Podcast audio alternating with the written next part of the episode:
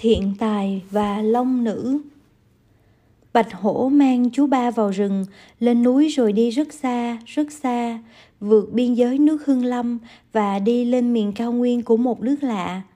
Tới một dãy núi, cọp đặt công chúa nằm xuống ở một cội cây rồi bỏ đi. Chú ba thiêm thiếp nằm mơ thấy mình tới cõi âm. Nàng được hai quỷ sứ dẫn đi coi các cửa ngục dưới âm phủ và chứng kiến những hình phạt của các tội nhân những người này hồi còn sống trên dương gian đã làm nên nhiều tội ác nên nay xuống âm phủ bị quỷ sứ hành hình. Người nói dối thì bị kéo lưỡi, người sát nhân thì bị liện vào rừng gươm giáo, người bất hiếu bị đội vòng lửa, người ích kỷ bị nhốt suốt ngày đêm trong một căn phòng u tối. Người chế tạo buôn bán võ khí bị ôm những viên pháo nổ cho tan xương nát thịt. Người tham lam bị buộc phải ăn những viên sắt nung đỏ người tàn nhẫn bị ôm những cục đồng nóng bỏng, da thịt họ cháy xém, làm bay lên một mùi khét lẹt. Chú ba nghĩ là mình đã chết và hiện hai tên quỷ sứ đầu trâu mặt ngựa đang đưa mình tới một nơi nào dưới âm phủ. Tất cả những tên quỷ sứ dưới địa ngục đều có vẻ tàn ác. Riêng hai tên quỷ sứ dẫn nàng đi thì lại rất lễ phép. Chú ba lên tiếng hỏi chúng để xem chúng đang dẫn nàng đi đâu. Một tên trả lời, Bạch sư cô, sư cô chưa chết đâu. Vua Diêm Phương muốn mời sư cô xuống thăm cõi âm cho biết và luôn dịp để vua gặp gỡ sư cô. Chúng con đang đưa sư cô đến gặp ngài. Một lát sau, chú ba vào đến cung điện thâm nghiêm của Diêm Chúa. Ở đây mọi người đều lễ phép. Diêm Chúa tự thân ra cổng điện để đón chú ba vào. Ông cũng biết chắp tay thành búp sen để chào Diệu Thiện. Vua cõi âm mời chúa ba uống trà rồi truyền quân hầu đem lên dân một trái đào. Trái đào được đặt trên một chiếc khay bằng ngọc. Vua ân cần mời sư cô ăn đào, nói rằng đó là một trái đào tiên, ăn vào thì phục hồi được sức khỏe. Vua hỏi thăm chú ba để biết nàng đã được đi xem qua những cảnh tượng địa ngục chưa. Nghe vua hỏi, Diệu Thiện nhớ lại tất cả những cảnh tượng đau thương và hải hùng mà nàng vừa thấy. Nàng thương xót đến chảy nước mắt. Sư cô chắp tay, nhắm đôi mắt lại và phát nguyện cứu độ cho mọi loài. Định lực của công chúa rất mạnh, tâm niệm của công chúa rất thành, khiến cho thế giới địa ngục rúng động. Tiếng kêu thương của chúng sanh tự nhiên bật dứt. Diêm chúa chắp tay khen ngợi. Đức từ bi của Ngài thật rộng lớn và màu nhiệm.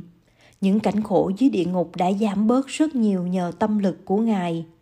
Thôi, quả nhân không dám giữ ngài lâu, xin cho người đưa ngài trở về dương thế. Quả nhân tin chắc rằng ngài tu hành sẽ tinh tiến và sẽ thành đạo ngay nội trong kiếp này. Nói xong, vua bảo hai tên quỷ sứ đưa chú ba về trần. Nhìn lại, chú ba thấy hai tên quỷ sứ không còn là đầu trâu mặt ngựa nữa. Họ đã biến hình thành những người thường, mặt mũi hiền lành. Họ đưa chú ba vượt qua 10 cửa ngục, Tất cả những cảnh tượng não lòng mà chú ba thấy trước đây đã hoàn toàn biến mất. Địa ngục đã trở thành một nơi yên tĩnh và vắng vẻ. Tới một cây cầu bắc ngang qua sông, hai người lính hầu chắp tay thưa với chú ba rằng bên kia sông là Dương Trần và bà chỉ cần vượt qua cầu là tới. Họ được lệnh không sang bờ bên kia. Chú ba cảm ơn hai người rồi nhẹ nhàng bước lên cầu. Tới giữa cầu nhìn xuống nước, chúa thấy nước chảy xiết quá, chóng mặt Chúa sảy chân rơi xuống sông. Vừa lúc ấy thì Chúa tỉnh dậy. Sư cô Diệu Thiện tỉnh dậy thì thấy mình đang nằm trên núi trong một bóng cây, hai tay bị trói sau lưng. Nàng nhớ lại những gì đã xảy ra với mình, lính của vua cha tới đốt chùa, mình bị vua cha đem sự chém, cọp trắng nhảy vào pháp trường mang mình đi.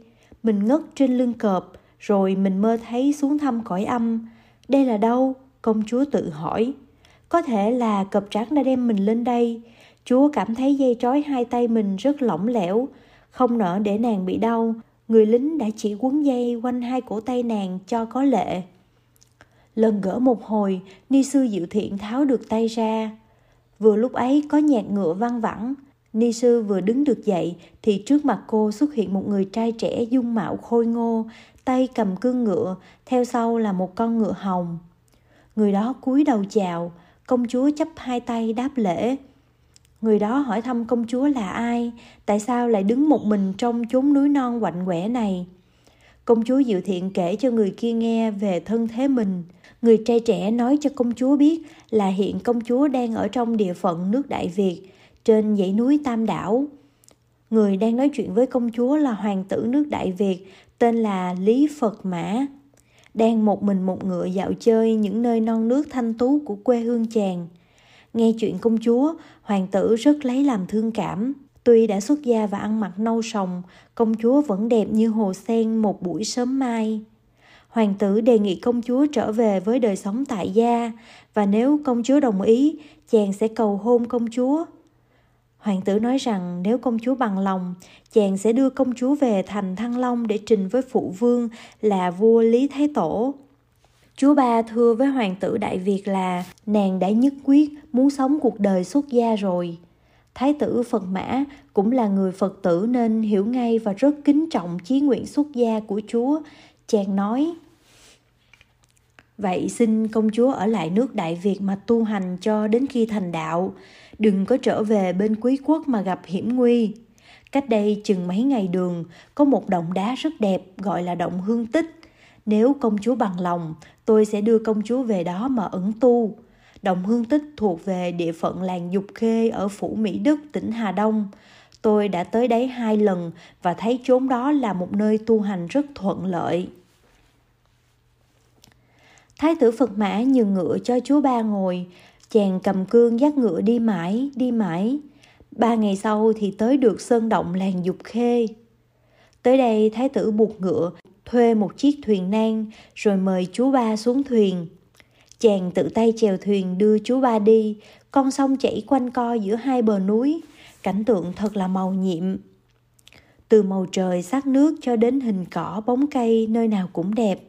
Thái tử chỉ cho chú ba xem một ngọn núi trông giống như một con voi phục. Chú ba thấy con voi đang đưa cái vòi của nó chút xuống ruộng lúa. Bên đầu voi rõ ràng là một cái tai voi. Lên bờ, thái tử đưa chú ba leo núi đi lên động hương tích.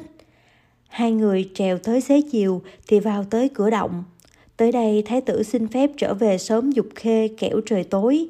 Sáng mai chàng phải lấy ngựa về kinh đô cho kịp hẹn với phụ vương. Tìm được nơi thuận lợi để tu hành, chú ba mừng lắm.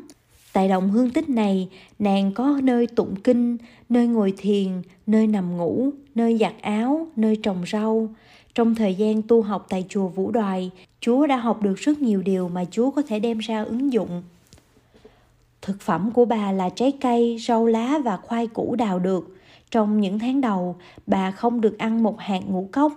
Sau đó, các bác tiều phu lên núi đốn củi đã khám phá ra sự có mặt của bà.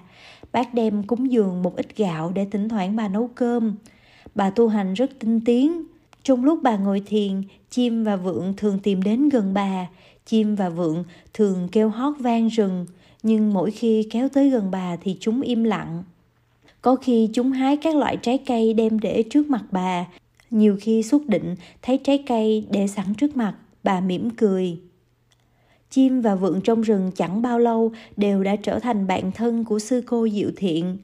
Có khi ngoài trái cây trong rừng, chúng còn hái tới cho bà nhiều thứ hoa lá lạ và thơm nữa. Tu hành được khoảng chừng 4 năm, trí tuệ của chú ba bỗng nhiên bừng tỏa. Bà đã thấy được đạo, bà ngồi ở hang động, bà có thể nghe được tiếng kêu khóc của mọi loài trên thế gian. Ngồi ở trong động, chú có thể thấy được cảnh tượng khổ đau của muôn loài chúng sanh. Từ đó bà thỉnh thoảng xuống núi vào làng dạy đạo cho người lớn và trẻ em trong làng. Bà lại còn cứu giúp những người bệnh tật và nghèo khổ trong xóm. Thiếu nhi tới học đạo của bà rất đông. Bà dạy cho các em nào văn hóa, nào đạo đức, nào tình thương và nào hành động. Có hai thiếu nhi xin được theo bà vào núi để học đạo, một trai, một gái. Em trai là con mồ côi, được bà đặt là thiện tài. Em gái là con của một người dân chài. Nó đã được bà cứu cho khỏi chết đuối một lần gần bến đục. Bà đặt cho nó là lông nữ. Thiện tài và long nữ đều là những thiếu nhi thông minh nên học đâu hiểu đấy. Ba thầy trò sống trên động hương tích rất tương đắc và hạnh phúc. Ngoài việc học chữ, học kinh, thiền tọa và thiền hành, hai thiếu nhi còn biết trồng rau, trồng khoai và rỉa bắp. Họ còn theo thầy đi hái các thứ dược thảo trong rừng để về làm thuốc chữa bệnh cho dân làng. Tiếng đồn truyền đi từ hai thôn Dục Khê và Yến Vĩ tới khắp cả phủ Mỹ Đức. Từ trên động hương tích có một tiên nhân có thể chữa lành bệnh cho nhiều người, kể cả những cơn bệnh thập tử nhất sinh. Thiện tài và Long Nữ chưa biết chú ba là một công chúa nước ngoài. Họ chỉ biết là thầy họ là một người có trí tuệ cao vời và tình thương rộng lớn. Bà thường nhắc với hai đứa trẻ rằng, làm thuốc mà hay là nhờ sự hiểu biết và lòng thương yêu.